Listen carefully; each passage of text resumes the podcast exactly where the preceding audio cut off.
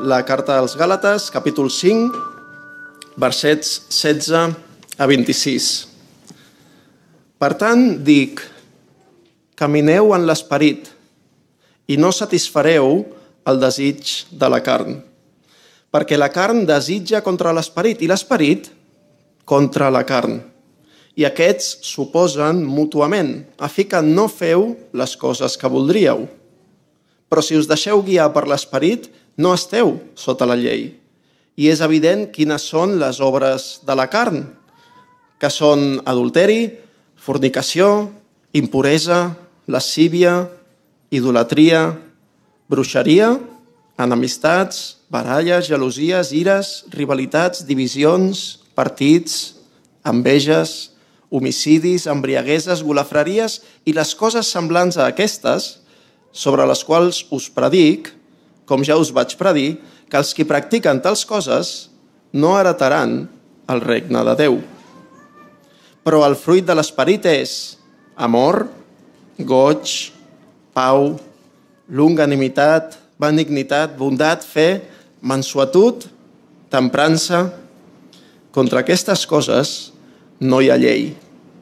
Els qui són del Crist han crucificat la carn amb les seves passions i desitjos. Si vivim en l'esperit, caminem també en l'esperit. No siguem vanagloriosos, provocant-nos els uns als altres, envejant-nos els uns als altres. Hola i benvingut al podcast de Ciutat Nova, una església protestant al barri 22 arroba de Barcelona.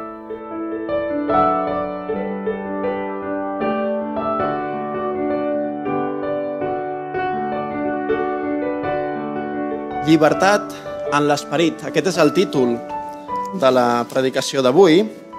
Aquest és el títol seguint la sèrie de predicacions sobre la, de l'apòstol Pau a la carta als Gàlates.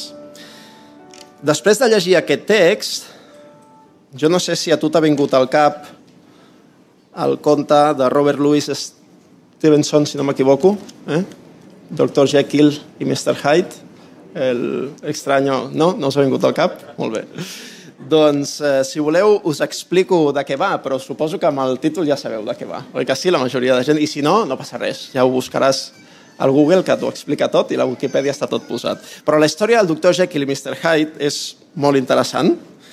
Eh, I és una història que, a mesura que, que passen els anys, doncs, eh, és ben present quan pensem en la condició humana no? en com som les persones, com som els éssers humans.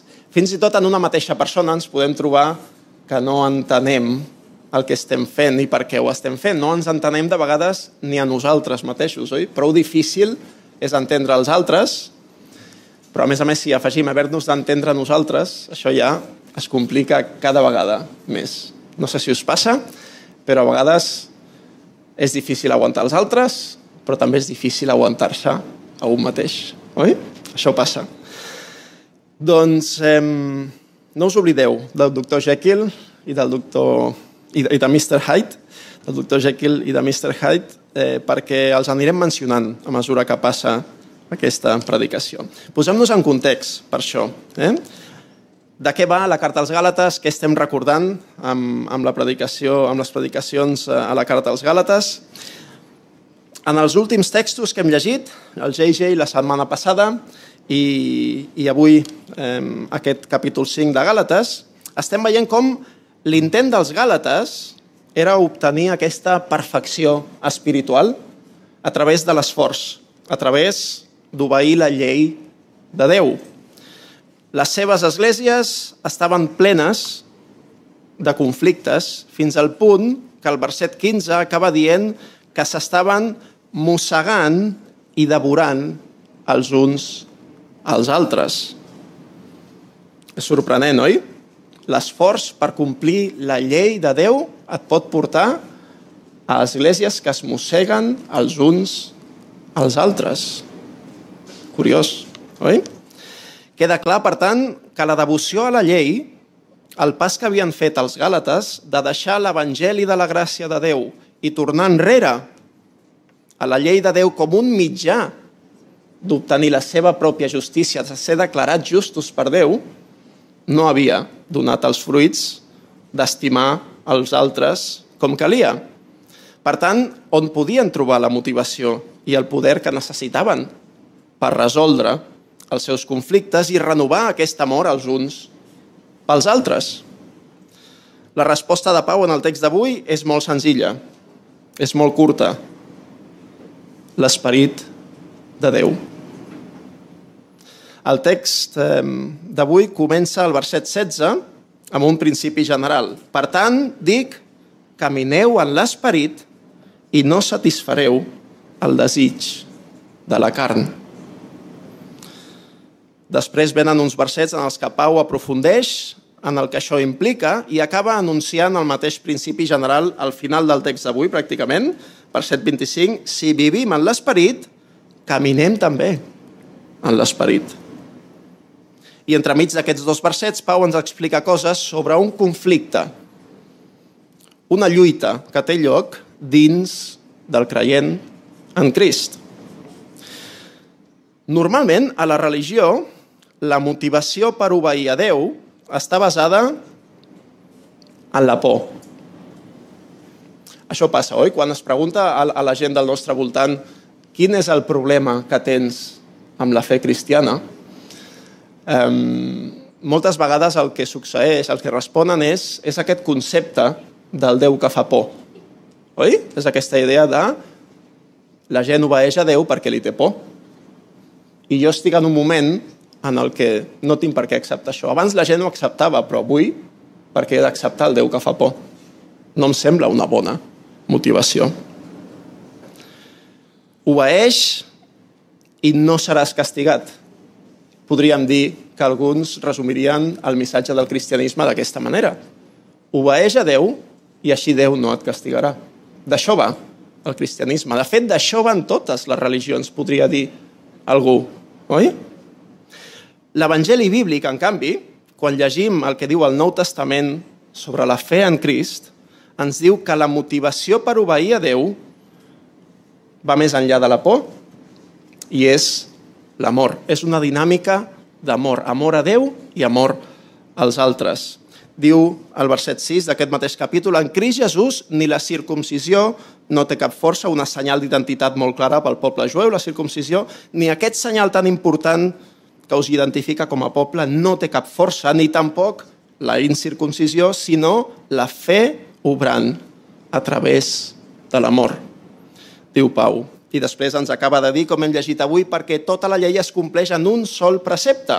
En aquest estimaràs el teu proisme com a tu mateix.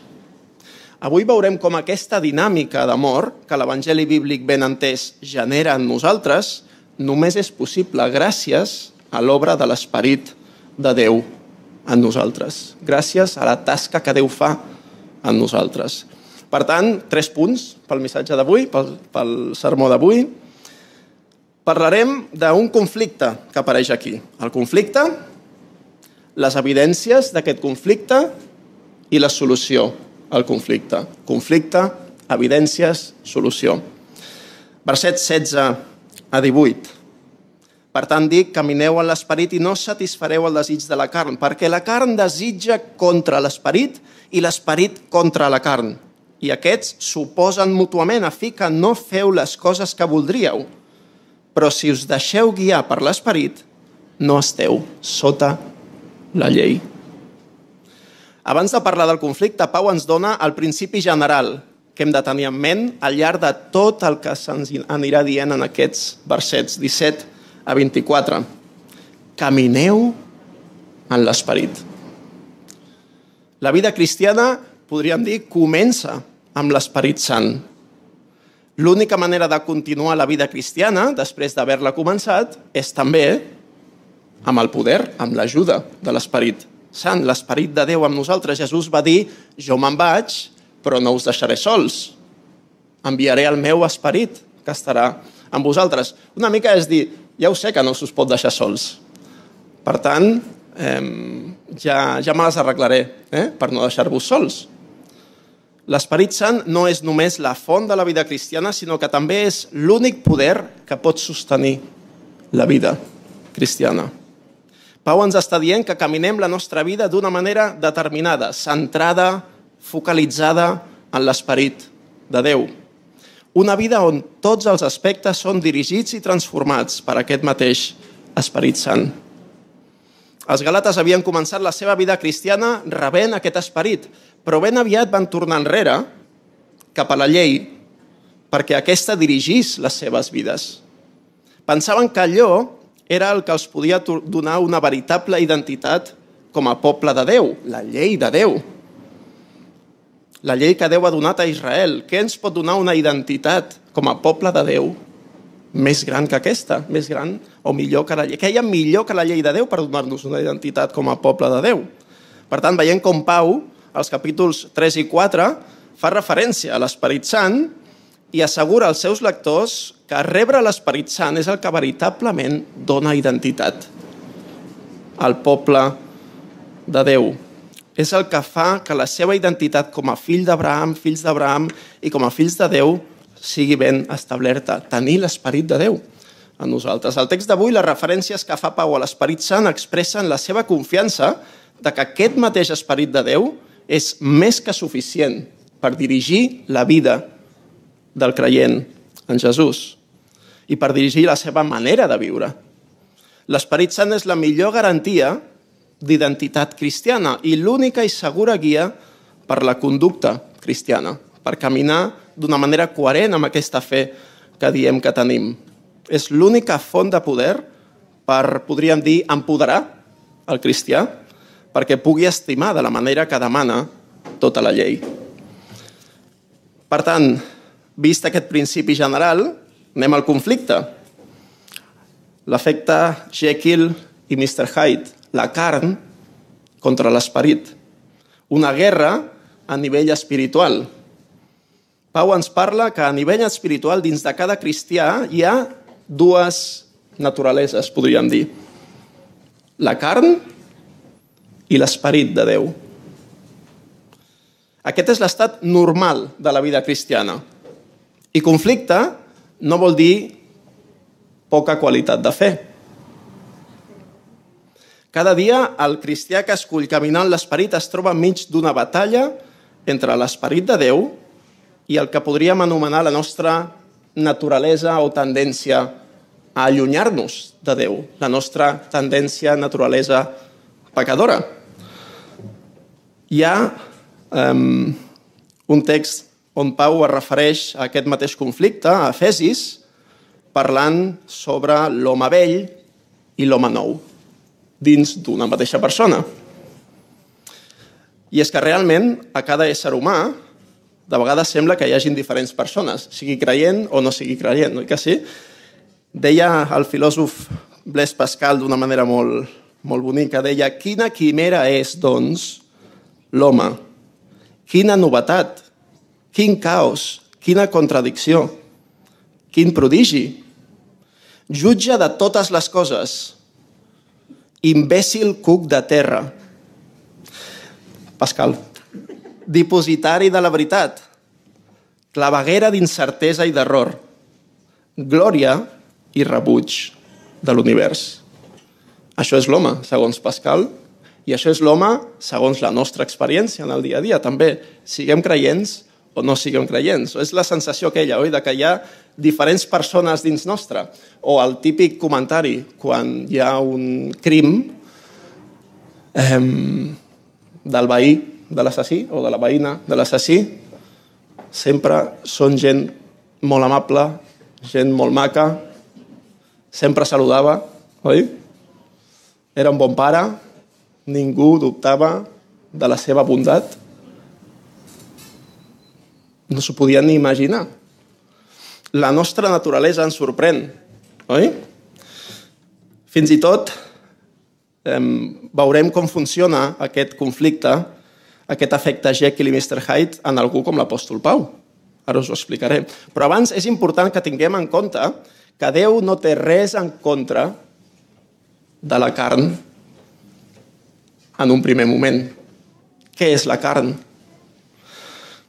Quan al Nou Testament apareix la carn oposada a l'esperit de Déu, no es refereix a la nostra carn, a la naturalesa física de les coses, no és un contrast entre la nostra naturalesa física i la nostra naturalesa espiritual? Perquè per Déu allò físic és bo. El nostre cos és bo. Les coses materials són bones, no són dolentes en si mateixes. La creació, els arbres, els animals... Déu és el creador de les coses materials.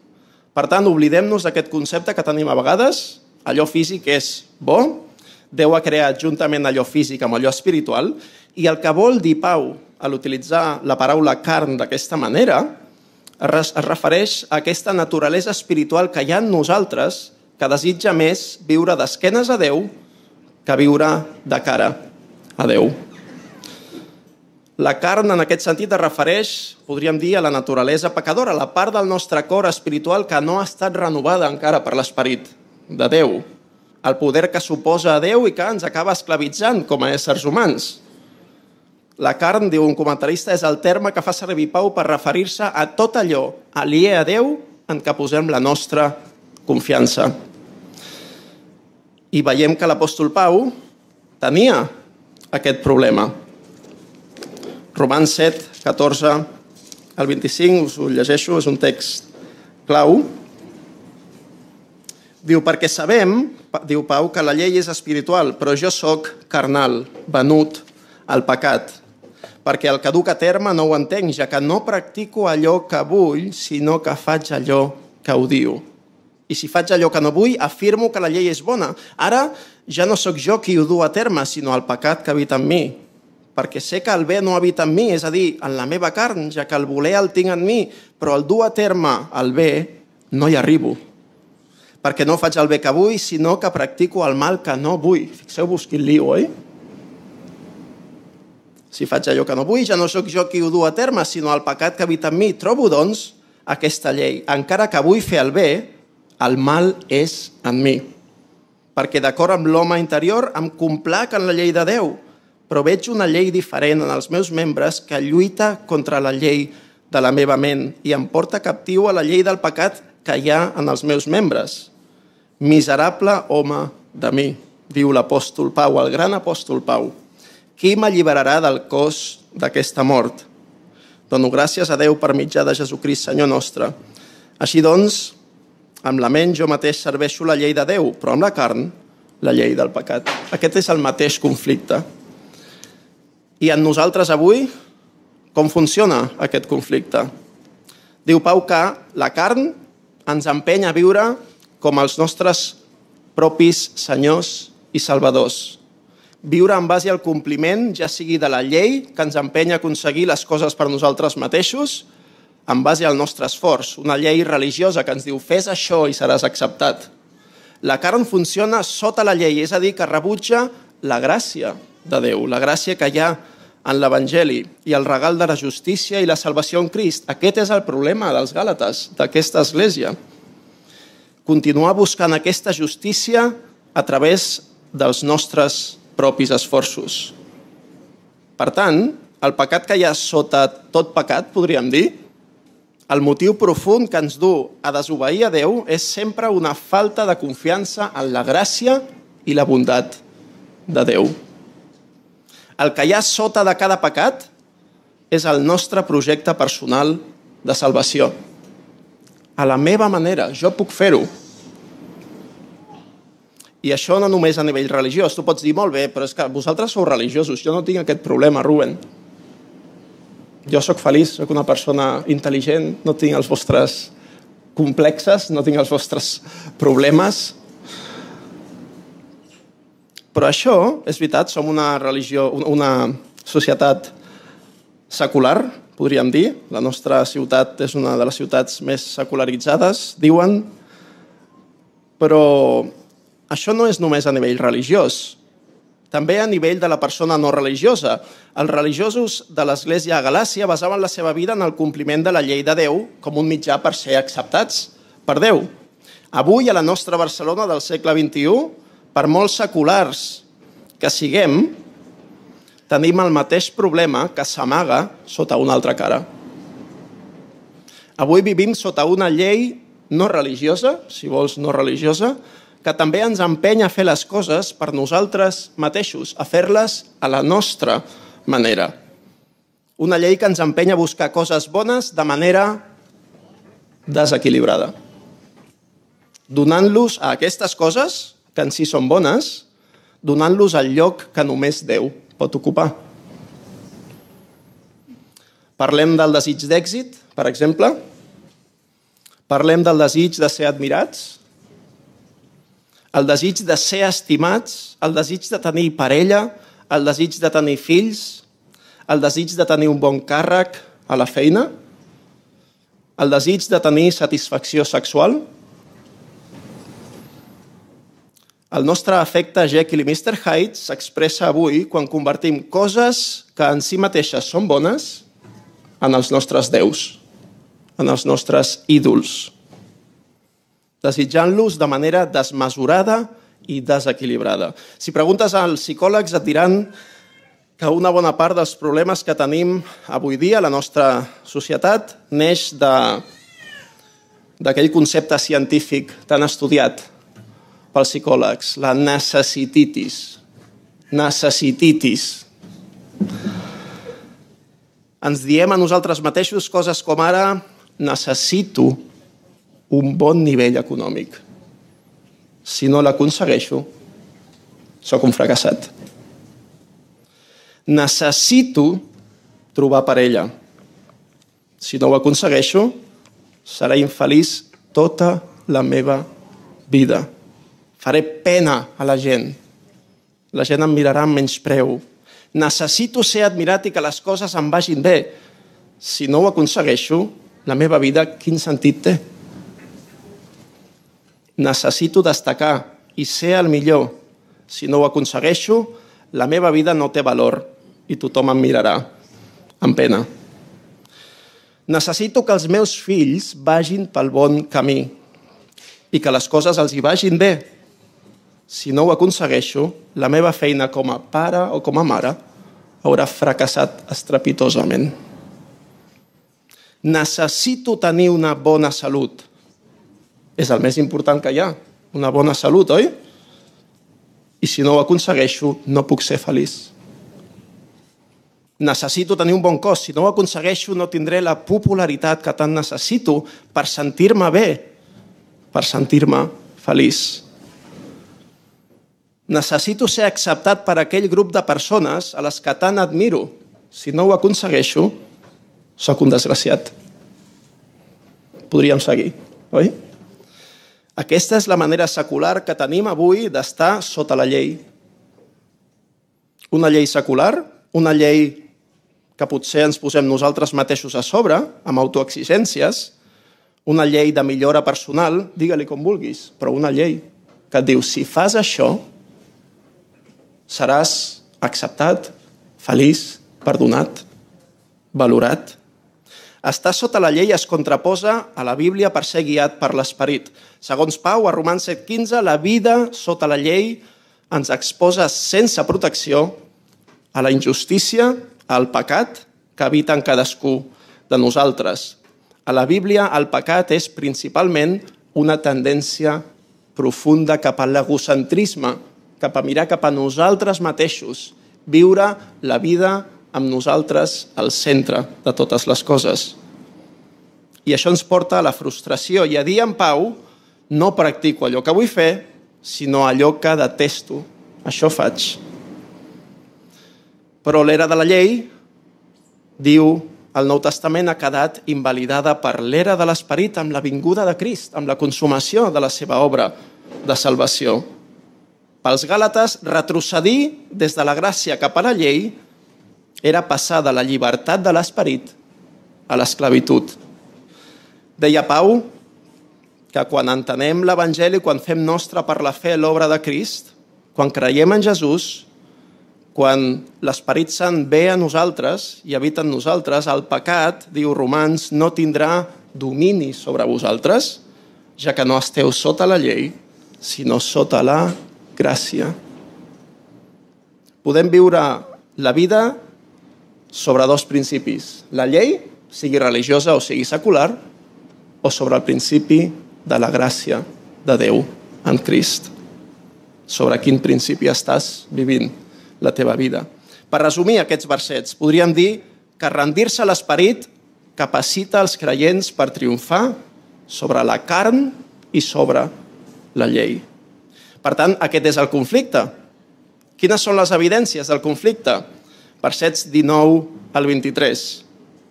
Una mica sentim els Gàlates dient-li, molt bé, Pau, però sigues una mica pràctic. La llei ens donava manaments per saber què hem de fer en cada moment. I això ens feia sentir segurs. I ara vens tu i ens dius una cosa tan vaga i tan general com deixeu-vos guiar per l'esperit. Si plau, Pau, no podria ser una mica més concret i més pràctic? Digue'ns què hem de fer. I llavors Pau fa dues llistes de mostra. Digue'ns què hem de fer. No us passa a vegades que mm, quan tens una certa edat dius tant de bo tingués sempre al meu costat la persona que em digués què he de fer. Quan ets petit això ho odies totalment, oi? De fet, el gran problema és... Ara jo, jo, jo ja... Tot, ja veieu que tots els exemples que us poso pràcticament són exemples de pare amb fills petits, no? La meva fase, la meva vida està en aquesta fase. Però jo veig com carrega els nens petits estar-los dient tota l'estona el que han de fer. Però a mi em passa pel cap més d'una vegada quan estic bueno, fent les coses que he de fer en el dia a dia, de vegades de dir tant de bo tingués sempre una persona damunt meu que em digués això has de fer així, has de prendre aquesta decisió. Cap on has d'anar, cap aquí o cap allà? Seria fantàstic. Però bueno, això amb els anys ho aprens a valorar, oi? Els manaments ens donen una certa seguretat ens donen guia per la vida. Per tant, Pau, tu què estàs dient? Al llarg de la carta als Gàlates, Pau ha defensat per terra, mar i aire que la justificació, el fet de ser acceptats per Déu, el fet de ser acollits per Déu, de rebre el seu perdó, l'amistat amb Déu s'obtén només per la fe en Crist i no pel compliment dels manaments de la llei. Aquest era l'èmfasi que necessitaven els gàlates. Però, com ara veurem, la fe veritable mai es queda sola. Només una fe que obre per l'amor és una fe autèntica. Una fe que no produeix bon fruit, bones obres, no és fe. No és una fe autèntica, segons el que llegim al Nou Testament. Per tant, Pau ens presenta les obres de la carn i fa aquesta llista, oi? És evident quines són les obres de la carn, adulteri, fornicació, impuresa, lascívia, idolatria, bruixeria, enemistats, baralles, gelosies i arriba... Una llista llarga. No és una llista completa, és a tall d'exemple, per a mostra un botó seria, no? I si t'hi fixes, podries pensar, home, per això eren coses que, que feien al segle I. Idolatria, bruixeria, totes aquestes coses. Els éssers humans hem evolucionat molt des del segle I ja no tenim aquells problemes. Som més sofisticats, som més intel·ligents, som molt millor. Han passat uns quants segles, hem evolucionat. No és així, ho sento. La Bíblia ens diu que l'ésser humà continua tenint la mateixa problemàtica avui i també al segle I. El problema no són les coses materials que tenim al nostre voltant que poden millorar, que poden evolucionar. El problema el tenim a dins nostre. El problema és aquest conflicte que tenim a dins nostre. El problema és el mal que hi ha a dins nostre. No cal que us demostri que totes aquestes coses continuen sent presents en ple segle XXI a una ciutat moderna i sofisticada com la nostra Barcelona. Tot això hi és present avui encara a la nostra societat. Per altra banda, tenim el fruit de l'esperit. Molt diferent la llista que fa Pau, oi? Si haguéssim de dir alguna cosa d'aquest llistat, no ens hi entretindrem massa.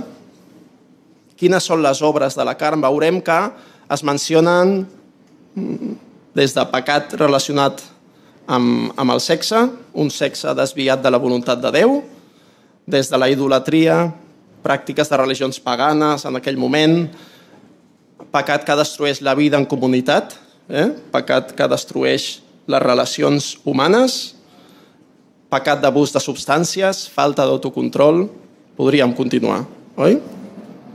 I alguns comentaristes ens animen a veure aquests exemples separant entre pecats típics de gent religiosa amb pecats típics de gent no religiosa. Per exemple, les gelosies, la ira, les rivalitats, divisions, partits, enveges... Tot això és a les esglésies. No només a les esglésies, però també a les esglésies. I potser, alguns dirien, són més característics de gent no religiosa altres coses més externes, no? com la immoralitat, borratxeres o la frària. Aquí podríem parlar-ne. Però la veritat és que Déu no fa les distincions que de vegades sí que fem a l'Església.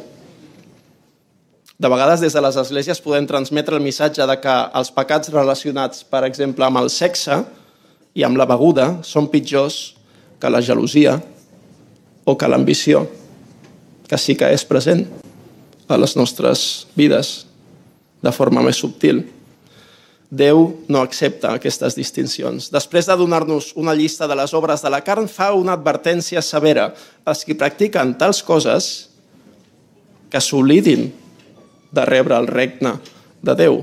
Per més que aquesta persona s'identifiqui com a cristià evangèlic, per més que aquesta persona hagi fet l'oració del pecador, per més que aquesta persona fins i tot hagi signat un document dient jo he acceptat el Senyor Jesús com el meu Senyor i Salvador en aquesta data concreta.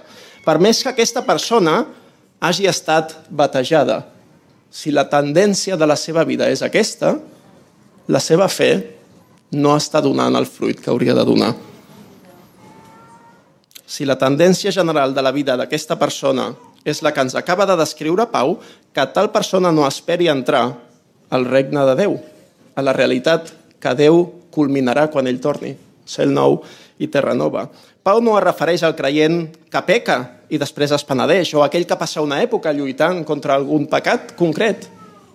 Això és la vida normal del cristià. Forma part d'aquesta lluita. Aquí Pau es refereix a aquells que s'anomenen cristians i viuen instal·lats en aquestes pràctiques i actituds.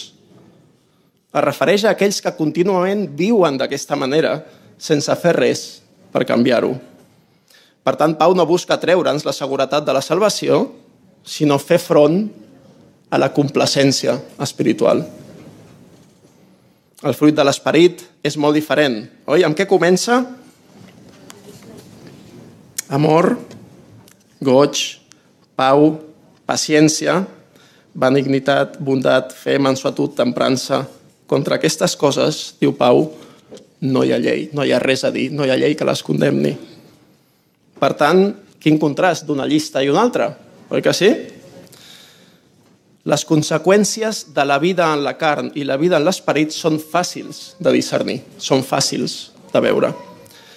Per tant, molt bé, hem vist el conflicte, hem vist l'expressió d'aquest conflicte i la solució, quina és?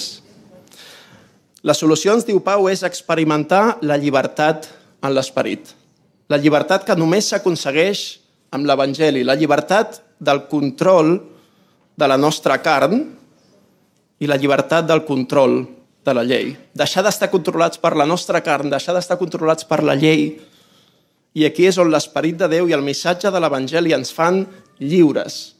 L'esperit de Déu i l'Evangeli no et diuen fes això i seràs acceptat.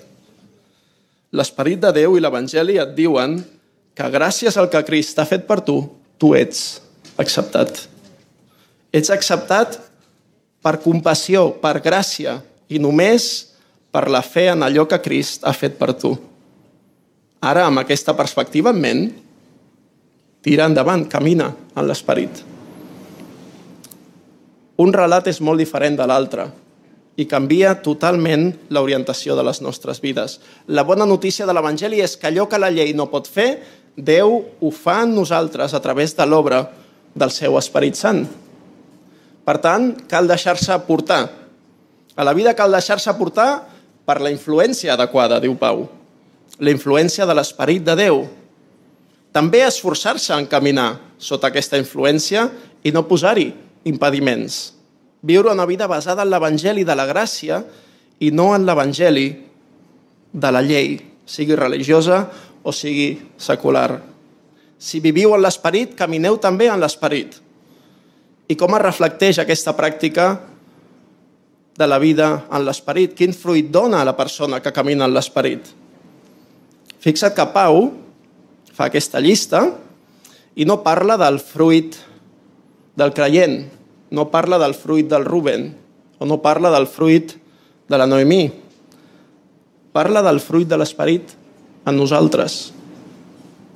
Per tant, l'èmfasi està en l'obra de Déu en nosaltres.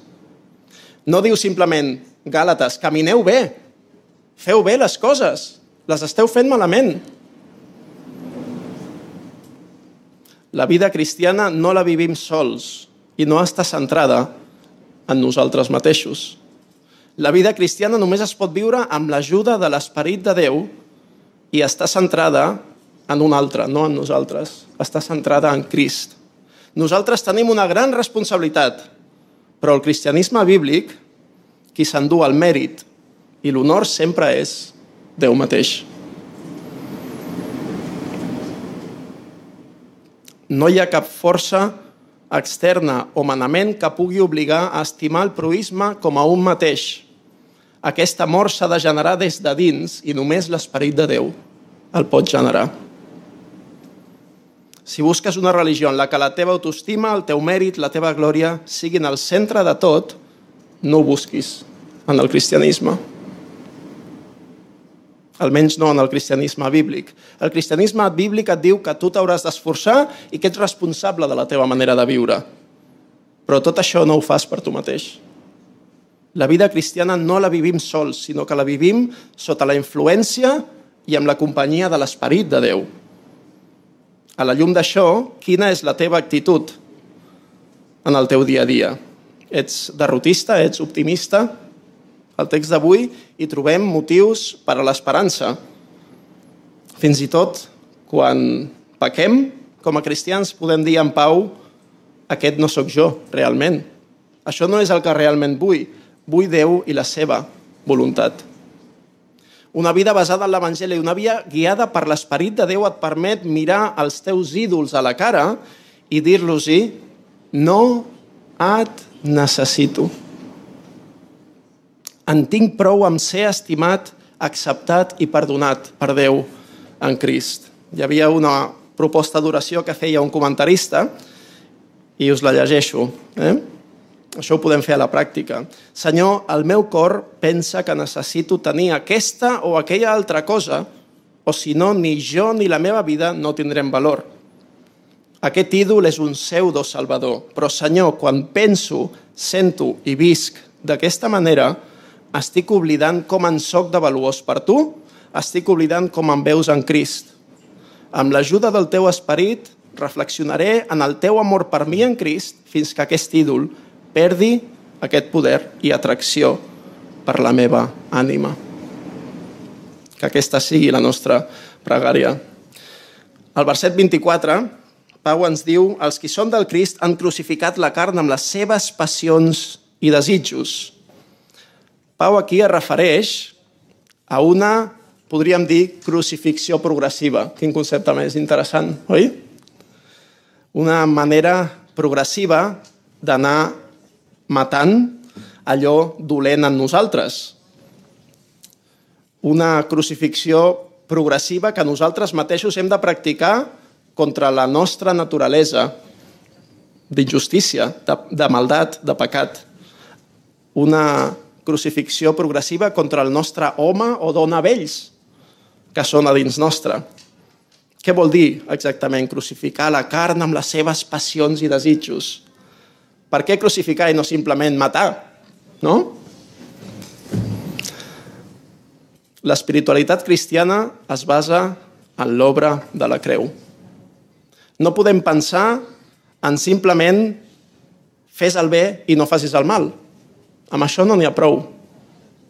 La nostra perspectiva ha de tenir sempre una forma de creu. Ha d'estar centrada en l'obra de referència, en l'obra de Crist, a la creu, en l'Evangeli. Crucificar la carn amb les seves passions i desitjos, aquesta idea va més enllà de simplement dir no a allò que està malament, perquè està malament. cal que reflexionem en el gran cost que Déu va pagar en Crist per fer-nos lliures, per salvar-nos. Si Crist va estar disposat a anar a la creu per mi, si Crist em va estimar d'aquesta manera tan preciosa, no puc agafar jo aquests desitjos de pecat i clavar-los a la creu, per molt dur que això sigui per mi? L'obra de la creu és la motivació més gran que podem tenir per viure una vida centrada en l'esperit de Déu. Per altra banda, la imatge del fruit ens ensenya que aquest és un procés progressiu. Un fruit no creix d'un dia per l'altre. De fet, ni te n'adones si està creixent. És impossible veure el creixement dels teus fills, literalment. No pots. Amb el temps te n'adones que han crescut, no? Però tu no veus com se'ls estiren els ossos.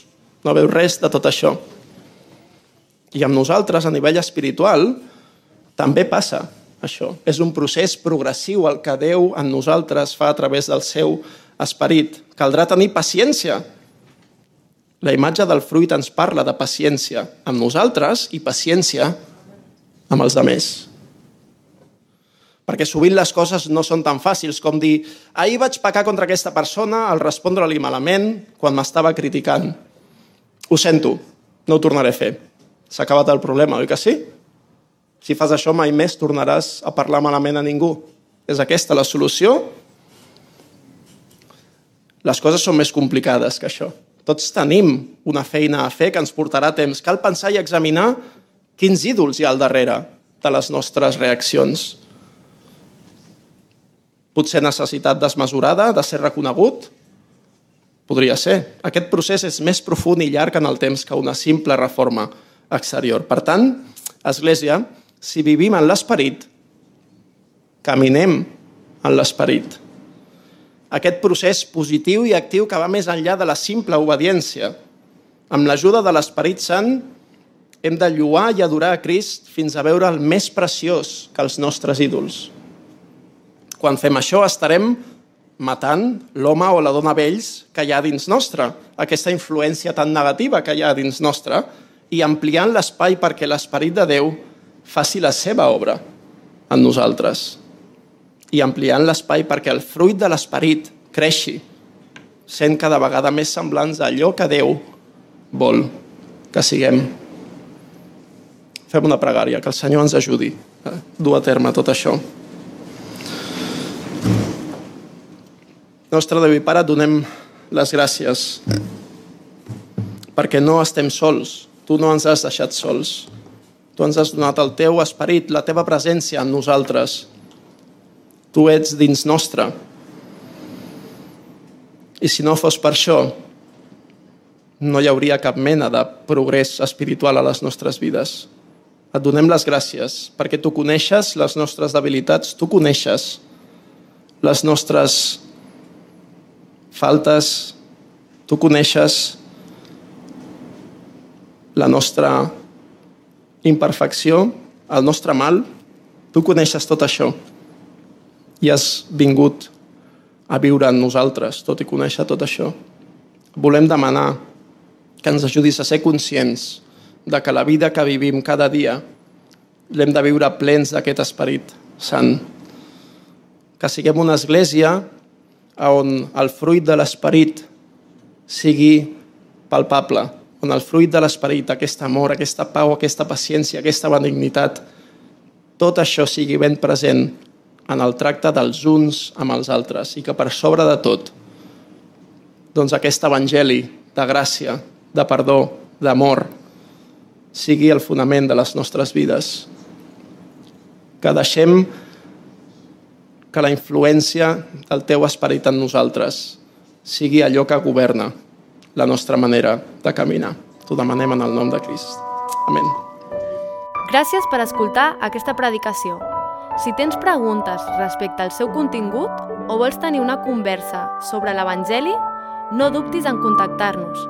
El nostre correu electrònic és info arroba cn22.org.